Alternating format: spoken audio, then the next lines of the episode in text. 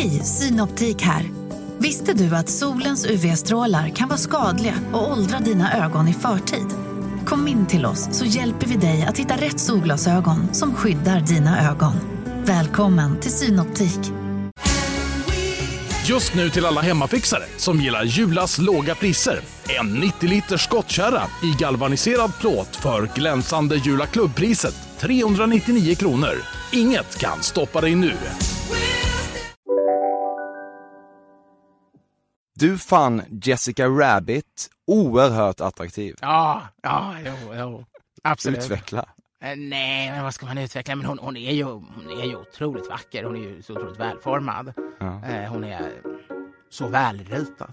Ja, hon är välritad.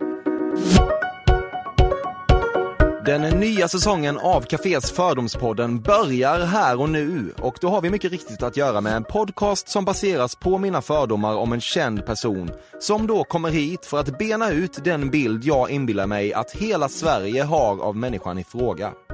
Premiärgäst är Edvard Blom, en av Sveriges mest älskvärda personer ändå, det får man fan säga. Och den enda mat-tv-profil vi överhuvudtaget behöver. Edvard är uppväxt på Ekerö utanför Stockholm och har tagit en arkivarieexamen. Det är det inte alla som har. Han jobbade på Centrum för näringslivshistoria innan då han smög igång sin tv-bana runt 2010 sådär. Med program som Mellan skål och vägg med Edvard Blom och Edvard Bloms gästabud. Vilket är rimligt eftersom vi inte har en person med mer gästabudsk energi än Edvard i det här landet. Kanske var det ändå hans regelbundna medverkan i Breaking News med Filip och Fredrik som ankrade Edvard Blom i människors medvetanden. Och sen dess har han varit med ungefär överallt. Edvard är 47 år, har två små barn med sin fru Gunilla och är troende katolik. Han syns just nu i Vi lagar bästa maten som sänds måndagar på SVT. Fördomspodden köttar på hela vägen fram till jul med nya avsnitt som utkommer varje onsdag. Jag heter Emil Persson och nu är vi igång. Det tröttsammaste du vet är människor som ska problematisera din livshållning ur hälsoperspektiv. Du har, mycket överlagt, själv valt att utnyttja tiden på jorden till att leva gott och äta ännu godare. Whatever happens happens därifrån. Ja, det, det både stämmer och inte stämmer. Det finns ingenting jag avskyr så mycket som, som folk som lägger sig i andras hälsa fast det är folk de inte ens känner. Och jag har gjort mina val, absolut. Men det är inte så att, jag, att jag, mitt val går ut på att jag eh, äter och dricker allting och tar alla risker. Utan jag har lagt mig på en nivå där jag faktiskt tycker att jag ändå... Jag låter till exempel bli socker sedan snart 20 år, eh, fullständigt. Du har en historik av sängvätning. Nej, inte alls. Du är medveten om att du inte är eh, Europas mest kvalificerade ladies man och har tidigare i livet sökt kärleken med hjälp av kontaktannonser. Ja, inte kontaktannonser, däremot har jag ju nätdejtat när det begav sig. Mm. Vilken tjänst använder du då? Var det spraydate? Eh, det var tre, fyra stycken som inte var så lyckosamma. Den enda jag egentligen fick till träffar på det var en kristen nätdejtingsajt som hette Sjunde himlen. Mm. Där var det inte så viktigt med foton nämligen. Okej. Eh, Hur är du i en dejtingsituation? Eh, ja, det är som att söka jobb. Man går dit, eh, svettas, är nervös, tycker det är obehagligt och sen får man inte jobbet.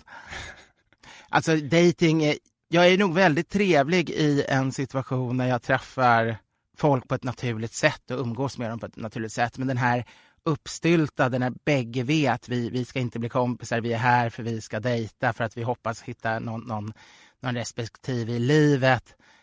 Det, det är ingen bra situation för mig kan jag säga. Det, jag gav väl ett trevligt och artigt intryck men, men den, det är ingen behaglig situation. Men innan eh, nätdating fanns så använde du inte kontaktannonser? Nej, det gjorde jag inte. Nej. Jag kanske borde, men då andra sidan var det ju för väl att jag väntade så jag fick träffa min Gunilla. Du har opererat bort polyperna. Nej. Du har alltid flest synpunkter på bostadsrättsföreningsmötena. Ja, och alla föreningsmöten. Mycket åsikter. Väldigt mycket åsikter. Ja. Vad brukar du, eh, vad brinner du för just nu i din bostadsrättsförening? Ja, det är ju, alltså det, det är ju massa olika frågor om, om, om hissen ska bytas och eh, jag är tveksam till att göra om vinden till, till eh, lägenheter. Så några vill, vad ska vi då förvara våra grejer och vad sker med kondensen? Och eh, vad ska lokalerna som hyrs ut egentligen användas till och, och hur är det, har vi verkligen fått ordning på självsuget? Det är alldeles för mycket tätningar så man fick i tre glas och självsuget fungerar inte riktigt så det läcker in rök ibland. Det kan vara nästan vad som helst. Mm. Och sen är det viktigt att man dricker vin på bostadsrättsårsmötena också. Såklart. Fördomspodden sponsras återigen av Air Up. Och Air Up är en innovativ flaska som smaksätter helt vanligt kranvatten med doft. Nyskapande som fan om man får säga det själv. Och AirUp har utvecklats för att man ska slippa välja mellan smak och hälsa. För med det här systemet så gör man sig själv en tjänst varje gång man vill dricka något gott. Och att smaksätta vatten med doft kan ju låta lite som, jag vet inte, magi. Svartkonst nästan. Men AirUps hemligheter är högst vetenskapliga för det kallas retronasal doft. Eller med ett enklare ord att uppleva smak med näsan. Ja men exakt och eh, alltså AirUp är ju en gammal kär vän till mig. Jag eh, har ju haft min AirUp-flaska här på jobbet i ja, men ett halvår nu och det är ju faktiskt så att det har revolutionerat hur mycket jag dricker vatten. Jag, det är inte bara jag, utan alla med mig här på kontoret har en AirUp-flaska och alla med mig har ja, börjat dricka mycket mer vatten. Och Anledningen till det är ju precis som du säger, de här poddarna, alltså små liksom, plasthöljen eh, som man sätter på din AirUp-flaska för att få smak. Mm. Man kan få en ny favorit som har dykt upp för mig, heter söt kokosnöt. Den vill jag verkligen tipsa om. De fyller mitt vattendrickande, de borde fylla allas vattendrickande. En sak som jag tipsade lite om förra gången, mm. som jag cannot stress enough, är ju att fylla upp din AirUp eh, med bubbelvatten. Det mm. blir en eh, helt otrolig upplevelse som jag unnar alla. Det kan också bli en billig upplevelse för det finns en rabattkod som är FÖRDOM helt enkelt. Stora bokstäver där, F-Ö-R-D-O-M, som ger 10% rabatt på ett köp hos AirUp och rabattkoden är giltig till och med den 28 maj och går inte att kombinera med andra erbjudanden. Läs mer på air-up.se. Tusen tack AirUp som möjliggör Fördomspodden. Fördomspodden sponsras denna vecka av Sting Free, världens enda vita snus med skydd för tandköttet. Detta inslag riktar sig bara till dig som är över 25 år och redan använder nikotinprodukter. Nikotin är ett mycket beroendeframkallande ämne. Felix, en fördom jag har om dig och snusare i Småland generellt är att man absolut inte får visa sig svag och erkänna att tandköttet tagit stryk av att snusa. Så är det verkligen Emil. Men visst fan får man skäll av tandläkaren alldeles oavsett. Och ändå, som jag kan berätta, som länge trodde att hans tandkött tålde hur mycket snus som helst. Det var Bengt Wiberg i Stockholm. Men när han fick ont i tandköttet och tandläkaren sa åt honom att sluta så var han inte så stöddig längre. Och då fick Bengt Wiberg en tokig idé. Han tänkte, vad händer om jag sätter plåster på tandköttsidan av prillan? Är det sant? Ja. Och det funkar alltså? Alltså man plåstrar prillan för hand, så att säga? Ja, precis. Plåster på tandköttsidan av prillan testade han och det funkade otroligt nog. Och snuset smakade fortfarande gott och levererade nikotin precis som det skulle. Men det är ju liksom... Det måste ju ändå vara revolutionerande det här. För en riktig skitgrej med snus är ju att tandköttet tar stryk. Eh, och Det här låter ju ändå som en, någon slags produkt som är, blir lika självklar som typ ja, men bilbältet eller en cykelhjälm eller vad som helst. Ja, precis. Ja, men vi, vi är många som har haft problem med det här genom åren sannoliken. Och nu är den här idén patenterad och istället för plåster så är det blå skyddet inbyggt i prillorna. Och Sting Freeze produkter finns att köpa i butik och på nätet. Så läs mer om världens enda vita snus med skydd för tandköttet på stingfree.se. Tack Stingfree! Och tack Bengt Wiberg! Verkligen. Fördomspodden sponsras av Bastard Burgers som är den norrländska burgarkedjan som ju finns över hela landet plus i Oslo, i Helsingfors och New York och de serverar svenskt nötkött och har en stor vegansk meny. Och vi ska prata lite mer om det här eh, signaturburgarkonceptet för 2024 som går ut på att det varannan månad presenteras två nygamla signaturburgare som gör efterlängtad comeback på Bastard Burgers och det heter ju Hall of Fame. Ja men det ska vi verkligen, men innan vi ska dit så skulle jag vilja lyfta en sak Emil. Nu kommer sommaren, nu kommer after work-tiden. Man känner hur det spritter i benen. Mm. Ta den after work på Bastard Burgers, för vet du, förutom liksom den härliga ambiansen så har de ju spicy nuggets på menyn. Vi pratade om detta förra veckan. De har ju haft chicken nuggets på menyn ett tag, men nu finns det alltså spicy nuggets. De har tagit det till en nivå till. Det skulle jag verkligen vilja tipsa om nu när sommaren kommer, att öl eller någon annan slags beverage och spicy nuggets. Där har du en AV i min smak. Mm. Och också det, just det här att Spicy Nuggets nu kommer finnas permanent på Just menyn. det, Jag tycker det verkligen. finns en otrygghet i, i, i vissa eh, matkedjor när, när vissa grejer bara återkommer då och då. Och man vet aldrig om ens favoriter finns där. Men Spicy Nuggets som är godare än vanliga nuggets som man är lagd åt ett spicy Mm, hållet, vilket jag är, kommer Mm. nu alltid finnas där. Det finns en trygghet i det. Jag vill också slå ett slag för att det nu i maj släpps även en ny signaturburgare. Och det är alltså ingen mindre än The Notorious Chili Cheese. En burgare med chili cheese på. Man minns när chili kom in i ens liv och förändrade livet till det bättre. Det är ostigt, det är starkt, det är otroligt. Det innehåller alltså massa ost och lite jalapeno. Och allt detta kan du såklart få om du laddar ner appen för Bastard Burgers och beställer eller för guds skull går till en fysisk restaurang. Tusen tack Bastard Burgers som möjliggör Fördomspodden. Tack Bastard!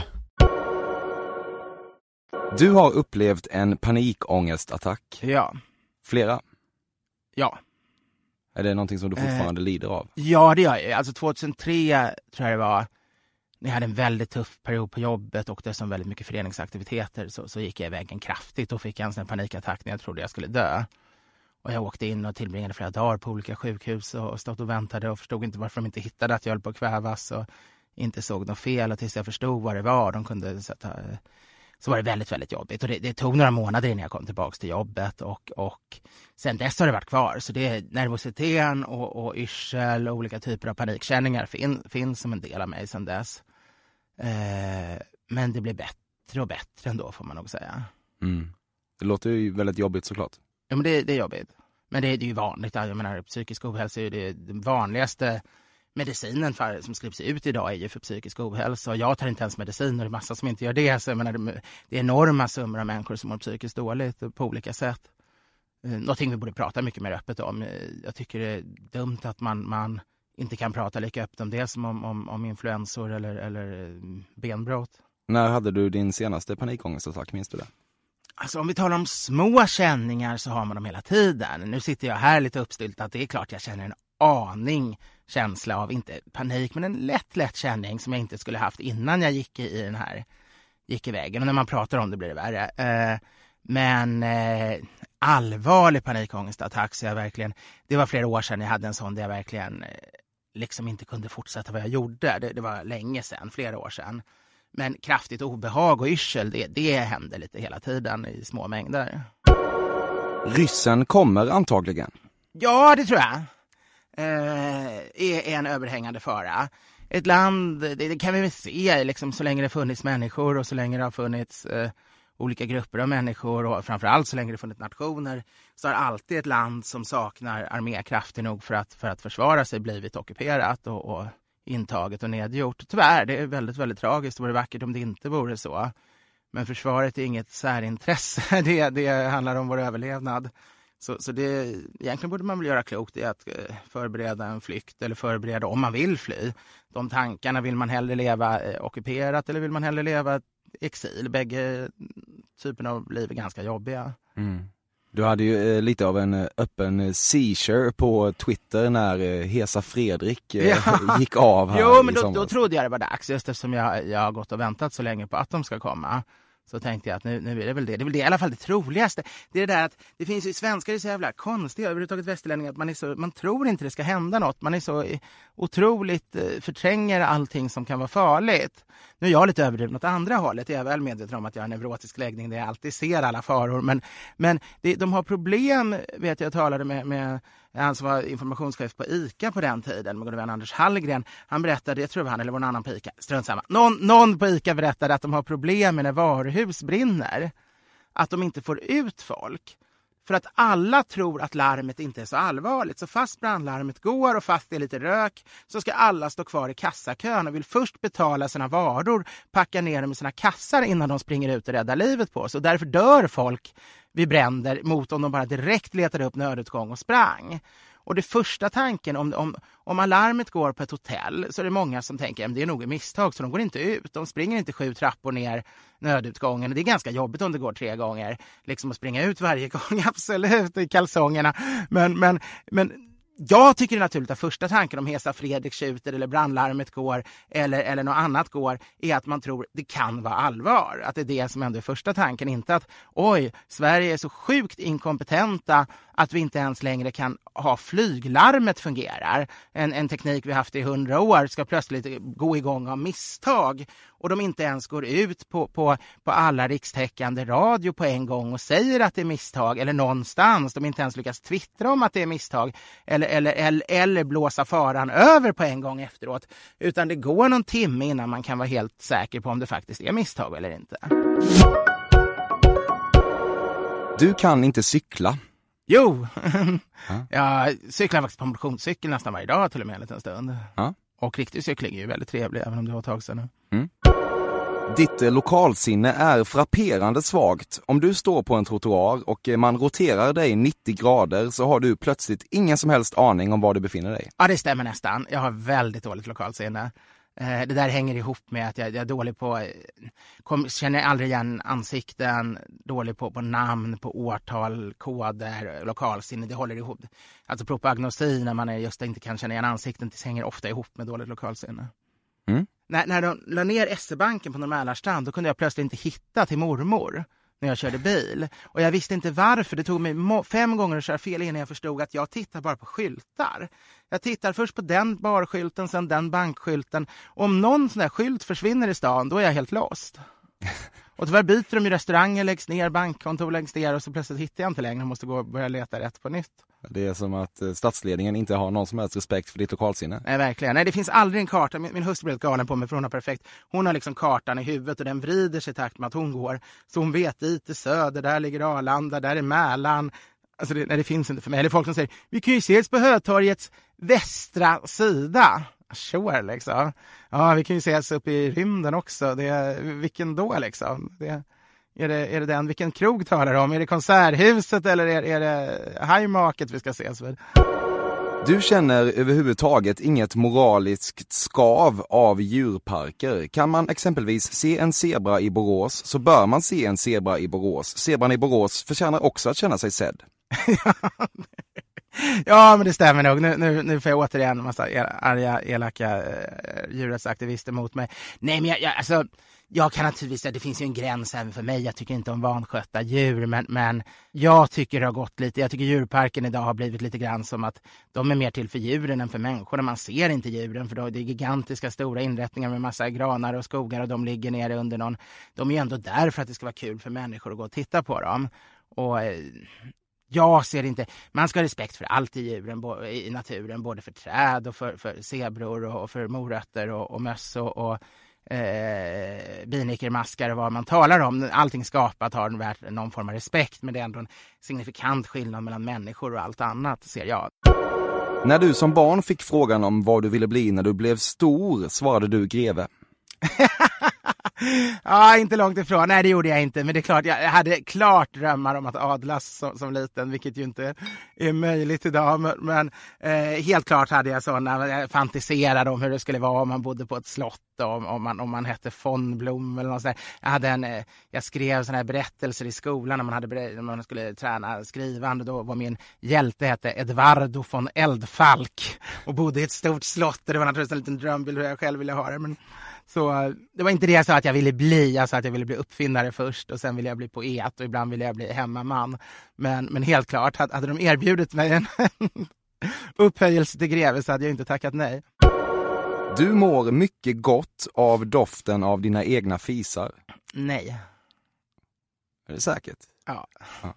Du mår dåligt av det? Jag vill inte ens gå in på en detalj om dem. Nej. Jag, jag låtsas att de inte finns.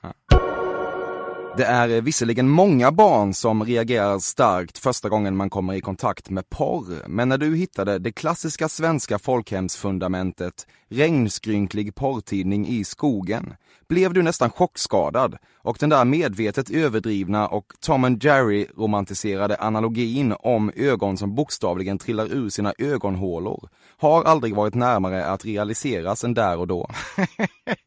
Ja, det är nog en överdrift. Men jag minns faktiskt just en sån situation när, när vi gick i mellanstadiet, tror jag det var. Och vi, vi var i skogen, de hade byggt något träfort och så hade någon hittat en sån här gammal porrtidning och, och, och man satt och läste. Och det, det, Alltså jag tycker inte... Var det på... närmade sig panikångestattack då? Nej, det gjorde det verkligen inte. Men, men snarare så att det den där klassiska kicken som slår in. Och jag är, jag är emot pornografi, verkligen. Men det, är ju, det finns ju någonting i pornografin som, som får... Eh, som får dopamin och sådana saker att gå igång, olika hormoner och sånt. Och det fungerar ju. Idag har väl folk blivit så avtrubbade så en sån där eh, tummad tidning inte skulle ge någon effekt. Det är mycket grövre saker och filmer och sånt på nätet och så. Men, men att porr, och längre tillbaks räckte det med en bild på någon eh, dam som visade vristen. Men, men, men alltså att pornografi har en effekt på de flesta människor är väl inte... Mm. Det, så är det ju.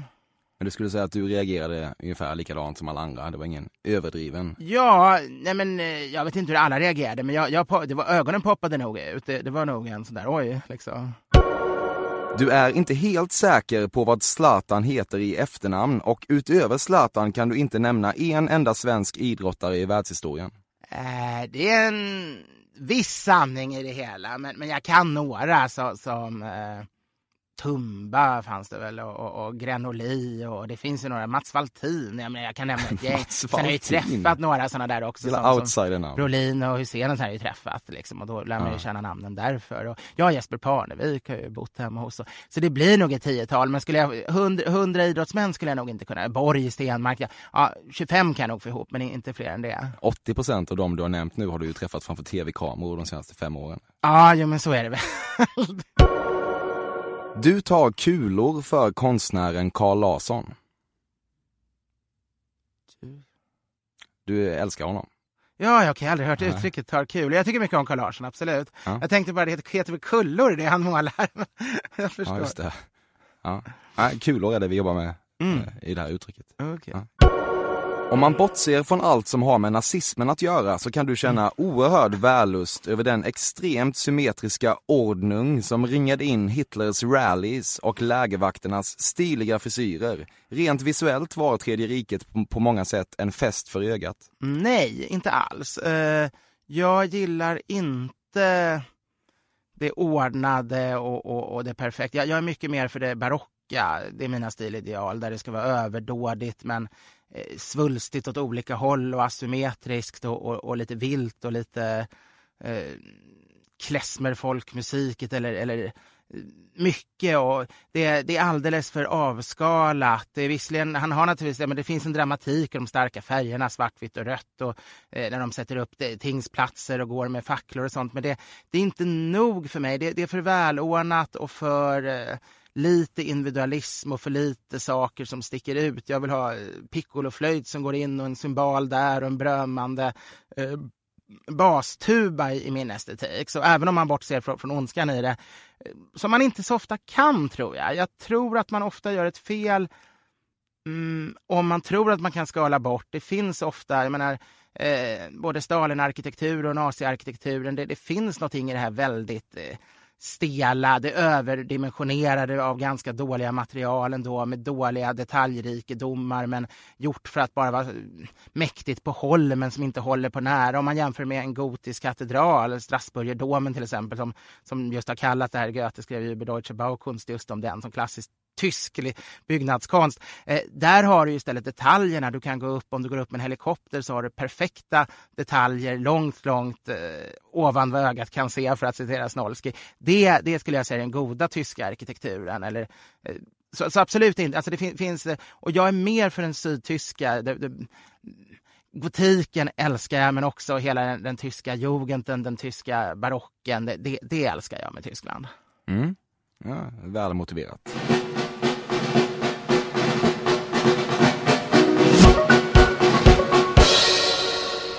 Du råkade en gång äta en hash brownie av misstag och blev jättesnurrig. Till dags dato förblir detta din enda kontakt med narkotika. Eh, nej, det stämmer inte. Jag har inte ätit någon hash brownie. Däremot har jag, har jag eh, rökt hash en del gånger. Mm. Eh, vilket funkade jättedåligt på mig. Jag får eh, förföljelsemani snarast av det och hjärtklappning och mår skitdåligt. Ja. Hur gammal var du när du gjorde det? Eh, det var några gånger under perioden från, eh, vad kan det vara, från 19 till 25 eller något sånt. Ja. Eh, Man gjorde några försök men eh, sen har jag efteråt eh, stött på flera vänner som, som har rökt för mycket och som har blivit tappat närminnet, blivit förslöade, blivit konstiga, lite psykotiska av det. Och, och, och, så jag, jag har landat i en väldigt negativ syn på cannabis. Nu vet jag att många motsäger och hävdar att det kan fungera bra, men jag tycker även de som gillar effekten blir, blir så passiviserande. De sitter och stirrar i en vägg, de är inte glada. Folk som dricker alkohol blir mer gemensamma. De, de kan bli känslomässiga, sitta och klänga på det. Men hellre en kompis som kramar och säger att du är världens bästa kompis och gråter än någon som bara stirrar ner i, i någon vägg eller någon tidning och är ointresserad av omvärlden. Så jag, mm. jag, jag är inte någon haschvän av cannabis måste jag säga. Det finns en narkotika som tar fram de där känslorna också ju. Det finns det. Jag, mm. jag har inte gått längre i, i mina prövningar. Eh, förutom hasch, det enda jag gjort är att jag läste den här anarkistens kokbok och när jag låg i Uppsala med en kamrat så, så gjorde jag den här klassiska när man ska försöka få knark av bananskal. Så man skalar innan mätet på bananskal och så kokar man det i 12 timmar. Vi hade ju gemensamt korridorkök så jag fick ju låtsas att det var en hälsogröt jag kokade. Och sen rostar man, det fick jag göra på natten i ugnen då när alla sov. Och sen röker man det där mortlar och röker i pipa. Och vi fick inget som helst rus. Det enda som hände var att vi fortfarande, när jag mötte min gode vän Stefan då, som jag hade, hade prövat det här med en kväll, fyra dagar senare så står vi båda så här och hostar, så hostar mer eller mindre blod efter det här fortfarande fyra dagar efter. Det, det kan jag säga är den sämsta möjliga. Och en annan gång blev jag lurad. Jag fick rödbetsfrön av en god vän som hävdade att det var en italiensk drog som hette Spirelli eller något sånt där. Och jag hade ingen lust att ta det där. Det låg något år i mitt skrivbord tills några tjejer övertalade mig. Ja, jag måste pröva det här. Vi hade ingen alkohol hemma. Och så satt vi och rökte de där jävla rödbetsfröna och blev alldeles gröna i ansiktet. Ja, det är otroligt. Du äger en dyr käpp som du använder vid väl valda tillfällen. Det är inte rätt att en så aristokratiskt fulländad accessoar endast ska vara förbehållen rörelsehindrade. Eh, det håller jag egentligen med om. Jag äger en elegant studentkäpp med silverklyka. Nu tycker jag jag har nått en ålder när jag blivit för gammal för att gå med studentkäpp. Det gör man ju de närmsta åren efter studentexamen när man är en ung spoling. Eh, jag har inte köpt någon eh, äldre manskäpp. Jag vet min, min far, farmors far fick en av vännerna när han fyllde 30. Så det är egentligen redan då jag borde ha skaffat den där lite mer kraftiga käppen. Men jag, jag håller helt med om det. Det är jättesynd att vi inte har käpp längre. Den mest provocerande samhällsdebatt som finns är den om att föräldrar inte ska få konsumera alkohol i närheten av sina barn och du har flera gånger demonstrativt nattat Melchior och Wilhelmina rejält på lyset. Eh, jag svarar ja på första delen. Det är faktiskt en av de mest dumma, bizarra. Att man inte ska få, få liksom, dricka alkohol i normala mängder ihop med sina barn. Det är helt sjukt.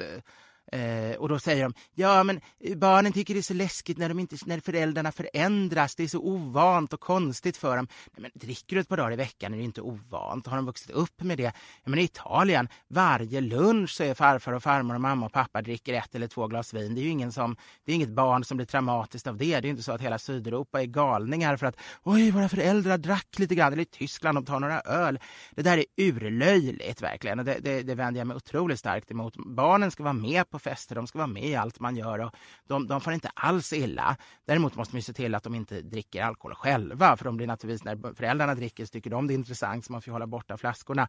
Eh, nattat dem, ja, jag har absolut varit lite på lyset när jag nattat dem, men där måste man ju vara jätteförsiktig, så man, då talar vi lite på lyset. Det, det, det får ju absolut inte vara risk att det kan hända någonting med barnen och där har man naturligtvis som förälder minst en vuxen måste alltid vara så pass nykter att det är helt ofarligt. Det, men ur, att de ser vuxna berusade, det är inte farligt. Alltså det är inte traumatiskt för fem öre. Jag tyckte alltid föräldrarna var mycket roligare när de någon gång hade druckit till. Det var väl jättekul. Mm. Och, eller faster, när hon kom och var lite bakis dagen efter, då skrattade de jättemycket som barn. Det. Mm. Du har en hästens säng och klev även in på blåvitrutig pyjamas eftersom de här tv-reklamerna såg så satans härliga ut. Nej tyvärr inte, jag har en IKEA-säng.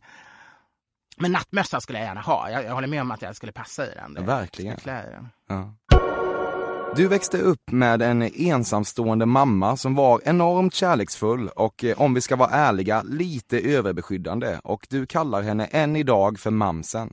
Nej, jag växte upp med, med en fantastisk mor och far och stora syster och eh, massa släktingar. Mm. Däremot var väl mamma lite överbeskyddande mot oss alla. Hon, hon, det, det, var, hon var precis som jag lite neurotisk, och neurotisk men rädd för att det skulle hända saker. Att man skulle bli överkörd eller hamna under rotvältor eller ramla ner från saker. Och, och, och eh, mina föräldrar var kanske världens första curlingföräldrar.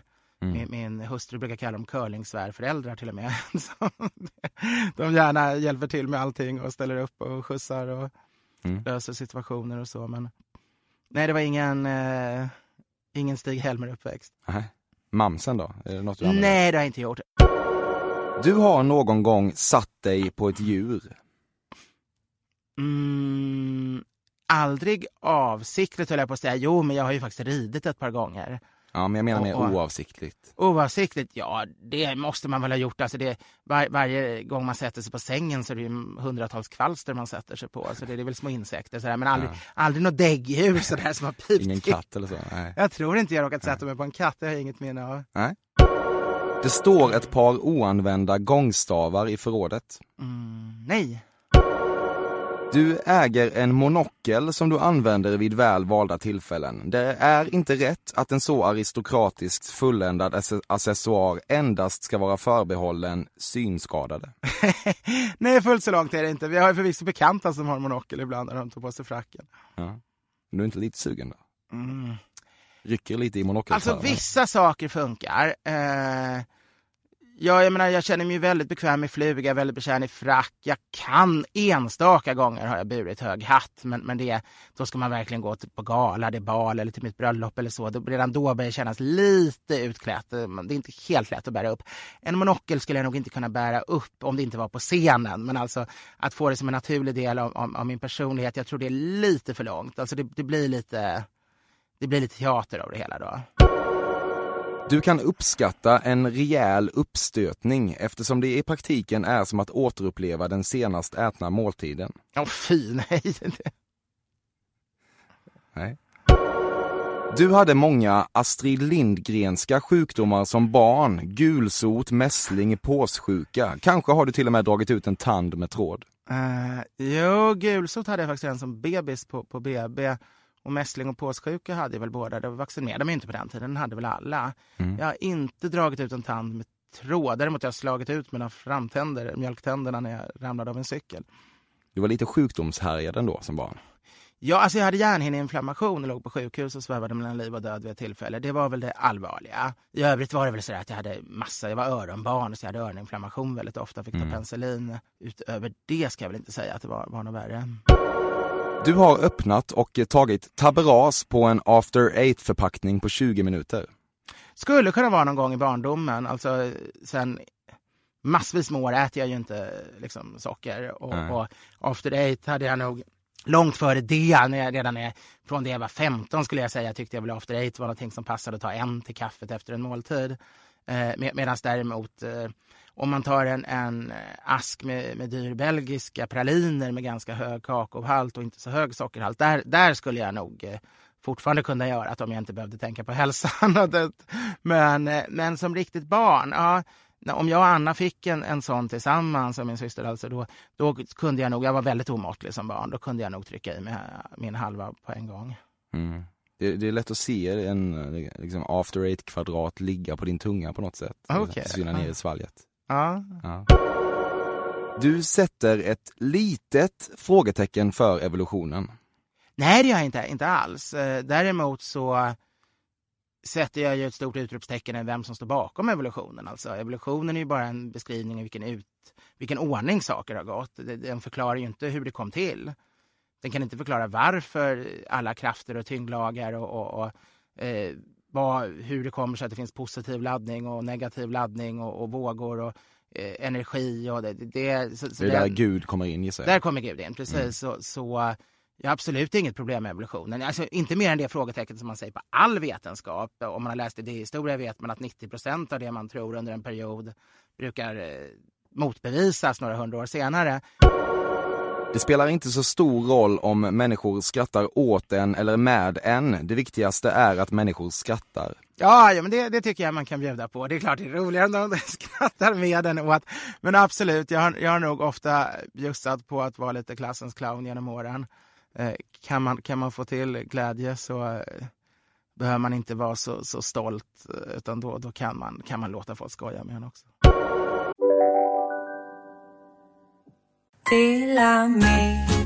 Hej! Är du en av dem som tycker om att dela saker med andra? Då kommer dina öron att gilla det här. Hos Telenor kan man dela mobilabonnemang. Ju fler ni är, desto billigare blir det. Skaffa Telenor familj med upp till sju extra användare. Välkommen till någon av Telenors butiker eller telenor.se. Du vet väl att du kan försäkra din hund eller katt hos Trygg-Hansa? Då får du till exempel hjälp med veterinärkostnaderna om din vän blir sjuk eller skadar sig. Läs mer på trygghansa.se och skaffa en riktigt bra djurförsäkring. Trygg Hansa, trygghet för livet. Hej, Synoptik här. Så här års är det extra viktigt att du skyddar dina ögon mot solens skadliga strålar. Därför får du just nu 50% på ett par solglasögon i din styrka när du köper glasögon hos oss på Synoptik. Boka tid och läs mer på synoptik.se. Välkommen! Du älskade att delta i den för pojkar beklagligt tabubelagda leken mamma, pappa, barn. Ja, det tyckte jag. Nej, alltså egentligen tyckte jag det, det skulle vara jätteroligt. Men när man gjorde det så, i gränden då, så här, som barn, då sa alltid tjejerna, ja men då ska du ställa dig där borta för pappa ska vara på jobbet. Då skulle de ta hand om barnen och skulle jag då leka att jag var ensam borta på ett jobb, för det var så stränga könsroller på den tiden. Ja. Men, men jag tyckte om att leka med dockor. Jag lekte jättemycket med min stora syster när jag var liten och, och med hennes väninnor och så. så jag, jag, och mina två, två kusiner som var tjejer. Så jag var, lekte mycket med tjejer, mer med tjejer än med pojkar. Mm. Jag har alltid varit lite sådär liksom heterofjolla. Det, och, och jag menar, det ville vara hemmapappa och så. Och jag är ju ingen sån här macho-typ liksom. Utan, Det är du inte. Det är Nej, det är jag inte. Du fick etta i idrott. Nej, jag fick en, en tvåa var det, för att jag ändå närvarade. Mm. Du var en av de avundsvärda elever som när det vankades skolutflykt och matsäck fick med dig en hel rulle ballerinakex snarare än macka. Nej, verkligen inte. Nej, nej. Tvärtom, jag, jag fick med mig eh, kreps eller något sånt. Alltså det var snarare mer matigt än... Ändå premium. Ja, premium, men just därför. Jag menar, ballerinakex tycker jag är sämre än en rejäl smörgås. Det är ju Ja. bara eh, kemi, margarin och socker och, och grejer. Jag, jag är inte någon sån där söt... Eh, jag har aldrig varit liksom att socker, sockergrejer är min grej, utan det är snarare rejäla smörrebröd jag skulle velat ha. Men det var snarare så att jag fick, fick eh, kreps och, och riktiga smörgåsar med rostbiff och potatissallad och sådana saker. Det... Det står en oanvänd balansplatta i förrådet. Ja! Ja. Varför gör du det? Eh, ja, jag tror jag fick ta över den av mina föräldrar. Det var faktiskt inte tänkt som ett träningsredskap utan just det här med mina panikattacker eh, kom ju ofta i form av yrsel och då var det ett bra sätt att, att träna balans. Om man tränar balans så, så försvinner yrselkänningar ofta. Att man, har, man vänjer sig med att stå, att det inte känns, att det känns att man måste balansera och då, då blir balanssinnet lite mindre eh, konstigt. Liksom. Man blir mindre snurrig. Och det, så det, det är egentligen därför. Känns verkligen som det redskap som oanvänds mest ändå, balansplattor. Ja, det, det kan jag Många har dem, mig. ingen använder dem. Nej. Du fann Jessica Rabbit oerhört attraktiv. Ja, ja, jo, jo. Absolut. Utveckla. Eh, Nej, men vad ska man utveckla? Men hon, hon, är ju, hon är ju otroligt vacker. Hon är ju så otroligt välformad. Ja, Eh, Hon är så välritad. ja hon är välritad. Från filmen då Roger Rabbit ska vi lägga Mm. till. 80-tals klassiker. Just det. Eh, Du, skulle kunna ha en dragning till liksom tecknade varelser. Ja, men Anime. Det, det skulle jag nog kunna ha. Absolut. Ja. Nu är jag ju lyckligt gift, men annars vet man aldrig om jag skulle springa på en ton ute i Ja, nöjeslivet. Det är nog någonting du har liksom haft glädje av tidigare i livet. Eh, Jag har aldrig träffat någon ton och jag ska inte säga att jag liksom haft någon Nej, sån här men i din fantasi konstiga fantasier kring det. Jag har drömt att jag befunnit mig i en tecknad miljö däremot. Att, att jag varit inne i en Kalle Anka-serie och åkt luftballong med knattarna och sådär. Det, Ja, eh, Ingen- så jag har drömt tecknat ibland. Inte ofta, men det har hänt. ja, det är härligt. Mm. Du har, tro det eller ej, halkat på ett bananskal. Ja, det har jag gjort. Det tror jag alla nästan har gjort. Har man inte det? Eller är det bara serier? Jo, det har jag gjort. Har du Det, det? är, det, är inte, det, det låter roligt, men man gör ju jätteilla sig. Det är ju hur halt som helst. Det är del av din tecknade drömvärld kanske? Ja, nej, det har nog hänt ett par gånger i mitt liv faktiskt. Ja, det, det, jag sparkar alltid undan när jag ser några, därför så ingen annan stackare ska... Ja, okej. Har du slagit dig på riktigt någon Ja, gång? men inte, inte så jag har fått åka till sjukhus, men, men jag har nog slagit mig rätt rejält. Men man har ju halkat på, på is och på löv och på...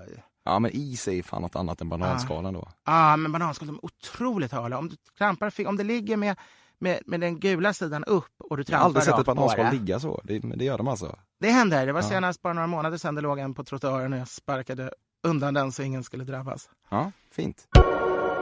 Ditt eh, oundvikliga kändisskap hade egentligen kunnat aktiveras tidigare om du nappat på något av alla de erbjudanden produktionsbolag kom med under dokusåpornas guldålder i början av 00-talet.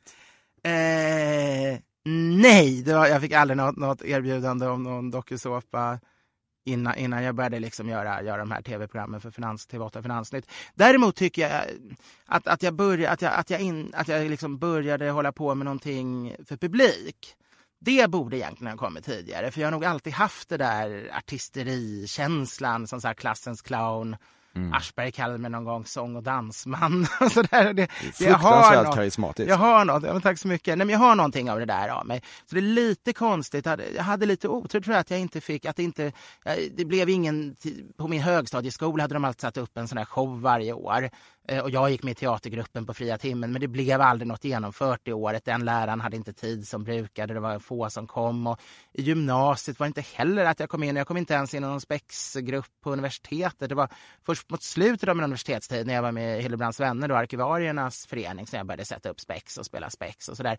Så det, det hade absolut kunnat tänkas många andra tillfällen när, när, eh, när jag kunde ha liksom börjat jobba med, med film eller teater eller underhållning eller spex eh, professionellt eller bara helt eh, liksom amatörmässigt. Men det är lite konstigt att, att det dröjde så länge egentligen när, när jag alltid har gillat att att- att stå där inför publik. Mm. Om Strix eller något av de andra produktionsbolagen hade upptäckt dig så hade de ju försökt suga in dig i baren liknande sammanhang, det tror jag. Ja, ja, det hade de naturligtvis gjort. Samtidigt, jag menar, så fort jag hade blivit, varit med i de här första grejerna, då började ju folk höra av sig för sånt där hela tiden. Du är enormt flygrädd och föredrar tågluff. Ja, så är det ju. Eh, eller enormt. Jag var enormt flygrädd. Idag flyger jag så pass mycket så det, jag, idag är jag bara lite lätt flygrädd. Men det är klart, tågluff är det underbaraste som finns. Runt i Europa i gamla tåg och över olika gränser och man sitter där i värmen och man karvar någon salami med sin fickkniv och öppnar en flaska rödvin på tåget och pratar med, med främmande människor. Och, underbart. Du lider av sömnapné. Ja. Eh, eller, jag an, de ansåg det i 15 år så jag har sovit med bettsken och så. Men sen fick, kom jag till en expert för något år sedan på, på Sofiahemmet som hävdade, nej men du, som verkligen jobbat med det, han sa, nej men det, de kan ingenting, det, det, var inga sömnapné när jag kollar här i datorn, det där är helt naturliga avvikelser. Så, eh, nu är jag lite osäker, men, men jag tror jag gör det. men, men han trodde inte det. Du när en dröm om att anställa en butler. Ja, det är klart att det vore fantastiskt. Det, det skulle man... Särskilt en butler har ju alltså, eh, vad ska man säga, egentligen eh, när jag var ungkarl så skulle man velat haft en manservant, alltså som givs eh, till, till, till, till då, då Bertie Wooster i Woodhouse-böckerna, någon som stryker ens kläder och ordnar allting och styr hela det här. Eh, en, en klassisk butler, det är väl egentligen det, när vi på svenska säger butler menar vi ofta snarare en manservant, medan medan butlern var väl mer en sorts ofta hovmästare som höll lite allmän ordning på, på tjänstefolket. Men någon form, alltså en, en, en, en tjänare som höll koll, som putsade silvret och, och, och fixade mina kläder som alltid är skrynkliga, tog ur fläckarna och och, och kunde uppehålla så, så att jag kunde leva det där livet jag egentligen vill leva men som jag inte är kapabel själv att få ordning på sakerna för det skulle ta för mycket tid och kräva för mycket handlag. Det vore naturligtvis fantastiskt men Du har aldrig sett bilden på Lenny Kravitz i en för stor scarf. nej, jag vet inte vem det är ens.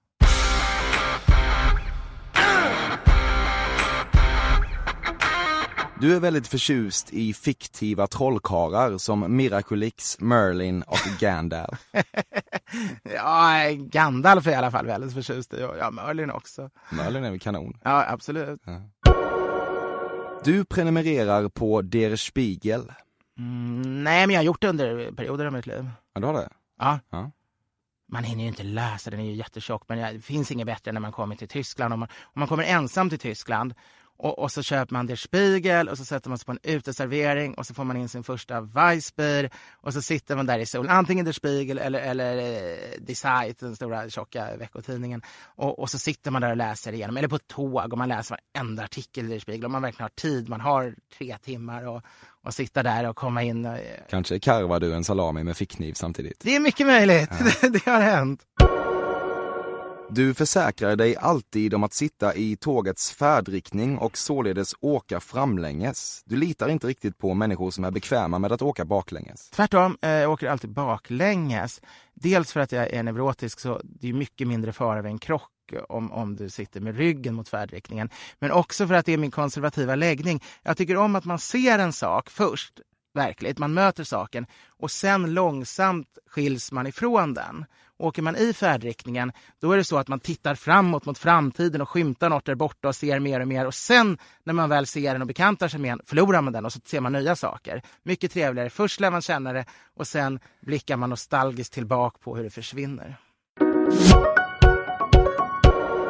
I motsats till många andra som gärna tar sin resväska upp i hissen och till hotellrummet själv för att undvika 5 dollar i meningslöst dricks, inväntar du gärna exakt den här typen av service i hotellreceptionen.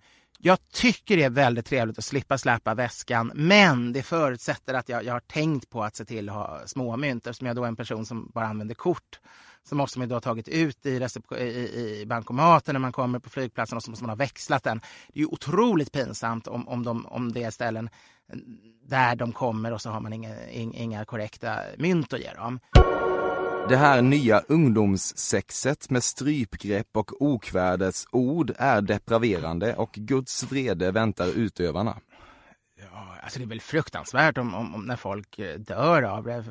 Ja men det tror jag inte att Det, men det folk kan absolut, det kan absolut hända Ja. eh, med sådana saker. Och var, varför ska, man ska vara otrevlig mot varandra, det, det är väl ingenting positivt. Så, eh, men, men Guds vrede ska nog Gud bestämma över, det, det kan inte jag ha några åsikter om. Men, men, men eh, är det ändå- finns väl mycket konstiga saker folk gör inom sexualiteten som jag, jag brukar säga att det är som, när de, som alkohol, när folk kritiserar att man blir totalförbjuda alkohol. Nej, alkohol ger ju otroligt mycket glädje och fantastiska saker. Men det är klart det ger oerhört mycket negativa och konstiga grejer. Och det är precis samma med sexualitet. Man vill inte förbjuda sexualiteten, men oj vilka konstiga mm, biverkningar det kan ge. Liksom. Du äger en polkarandig baddräkt för män. Eh, nej, men jag skulle gärna vilja. Du är enormt vidskeplig. Om en svart katt korsar vägen spottar du till exempel tre gånger över höger axel samtidigt som du ljudligt artikulerar tvi. Nej, i och med att jag är kristen så behöver jag inte tro på vidskeplighet. Jag, jag kan be en liten bön och så kan ingenting drabba mig. Du har egentligen aldrig haft ditt finger på något som ens liknar en avtryckare, men äger ändå ett gevär ifall du skulle tvingas stå ansikte mot ansikte med inbrottstjuvar hemma. ja, det vore bra. Jag skulle faktiskt gärna ha ett gevär, men, men det, det har jag inte. Eh, jag har aldrig tryckt av ett skjutvapen, alltså laddat med, med krut. Däremot så sköt jag mycket luftgevär som liten, bara pricksköt. Men, men ett eh, något krutvapen har jag aldrig fäktats däremot. Mm. Jag har många svärd hemma, så, så det, jag tror inbrottstjuvarna kan få en tuff Okej. match i alla fall. Vad är det för svärd? Ja, det är ett mensursvärd som jag mensurfäktades med i Tyskland. Det är ett gammal polissabel som jag ärvt efter morfar tror jag. Och sen är det ett magiskt eh, indiansvärd som jag fick av, av en eh, herre som var både professor och präst i Mexiko. Han ägde massa små eh, hus i olika små indianbyar för han ville inte de skulle rivas. Så han tog hand om dem och där hade han ett som ursprungsbefolkningens eh, religiösa ceremonier hade gjort med inskriptioner och grejer. Så det är lite roligt. Du sög på tummen upp i väldigt hög ålder. Ja, absolut. Till tredje klass. Du eh, nyper ofta rosen på prinsesstårtan, inte för att du anser dig mer värd än andra, utan för att du helt enkelt vet att ingen på kalaset uppskattar den lika mycket som du gör. Detta är logik du inte har några som helst problem med att få ihop. Nej, det stämmer inte eftersom jag inte gillar socker då, inte äter sötsaker. Just eh, marsipanrosen är ju alltid, den är ju bara snygg. Den har ju alltid varit för torr och hård. Den är ju liksom gjord ofta i förväg och har stått någonstans torkad, den, den är mer dekoration. Principen däremot att, att man Eh, hemma kallar vi det lyckomaximering. Att om det är någonting i matväg som den ena älskar något enormt och den andra tycker är helt okej, okay, liksom. typ ål. Jag får alltid en betydligt större bit ål än Gunilla för hon tycker att då kör man lyckomaximering och i gengäld om, om, eh, om vi har någon hallon eh, kompott eller något så får Gunilla mer om det. Eller färska hallon får hon större del än jag för att eh, hon tycker så mycket om det. Alltså det, det tycker jag är en vettig idé. Mm. Men man kan ju inte bara eh, norpa. Men, men är det en laxros på en smörgåstårta, ja men då, då dimper den väl rätt ofta ner på min tallrik. Mm. Så principiellt är det rätt? Ja, inte rätt, men principiellt är jag, en, eh, är jag en svag människa så jag kan nog handla så. Men jag skulle inte försvara det så, som rätt. Men fanns det någonting som jag gärna skulle vilja ha på en buffé som en dekoration så skulle jag nog ofta ta det. Men jag skulle kanske inte försvara att det var rätt inför mig utan mer om alla människor hade implementerat lyckomaximering, då hade du kunnat göra det med gott samvete. ja, precis. Till slut upplevde du det som för förnedrande att ha flytkuddar och då bestämde du dig för att det är 100% fine att gå genom livet simokunnig. Eh, nej, verkligen tvärtom. Jag, jag började simma jättetidigt. Ja. Eh, redan som femåring simmade jag på djupt vatten. Jag, jag låg i hela somrarna ständigt. Dina barn har tillkommit genom provrörsbefruktning. Nej, det har de inte. Eh, de bara kom. Jordglob är en obligatorisk inredningsdetalj i varje respektabelt hem. Ja, och piano.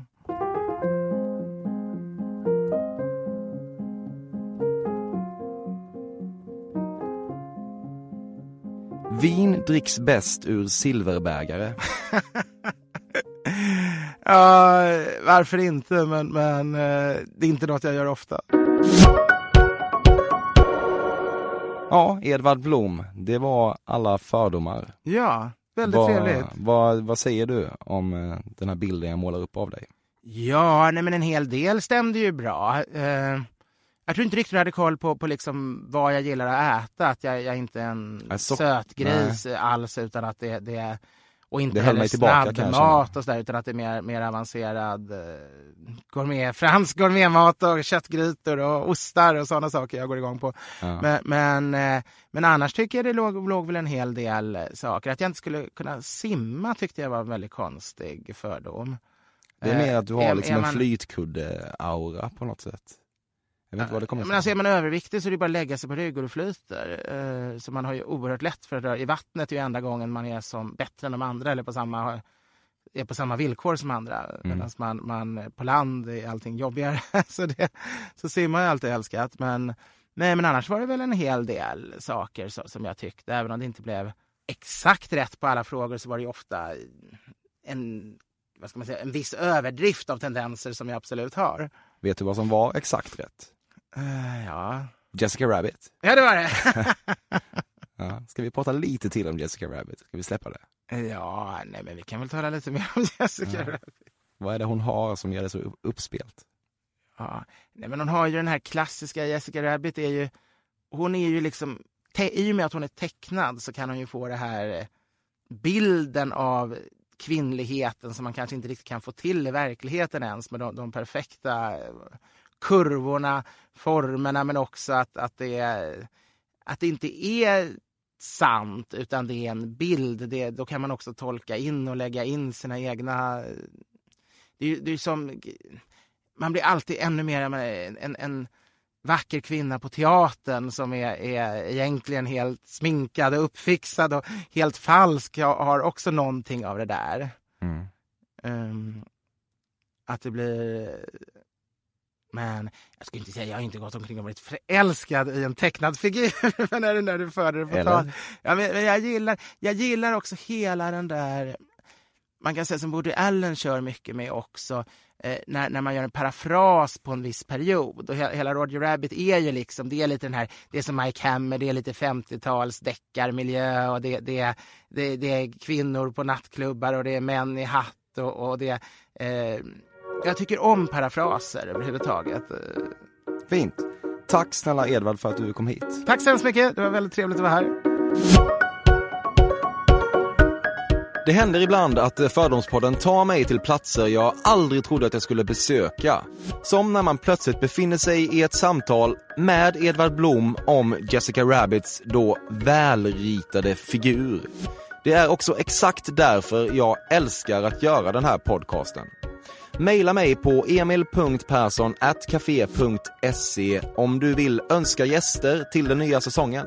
Eller om du har klagomål på att förhärligandet av Jessica Rabbit sprider skeva, men då välritade kroppsideal. Tack till vår vignettkompositör Carl Björkegren. Nästa vecka rullar vi ut ett nytt avsnitt av Fördomspodden, detta då med den framstående regissören Johan Renck. Om recensenter i allmänhet och DNs Johan Kroneman i synnerhet tänker du ofta, gör något själv istället för att bara sitta och tycka om andras skapelser. Gubbjävel, skulle jag lägga till då. Tack för visat intresse, jag tar det aldrig för givet.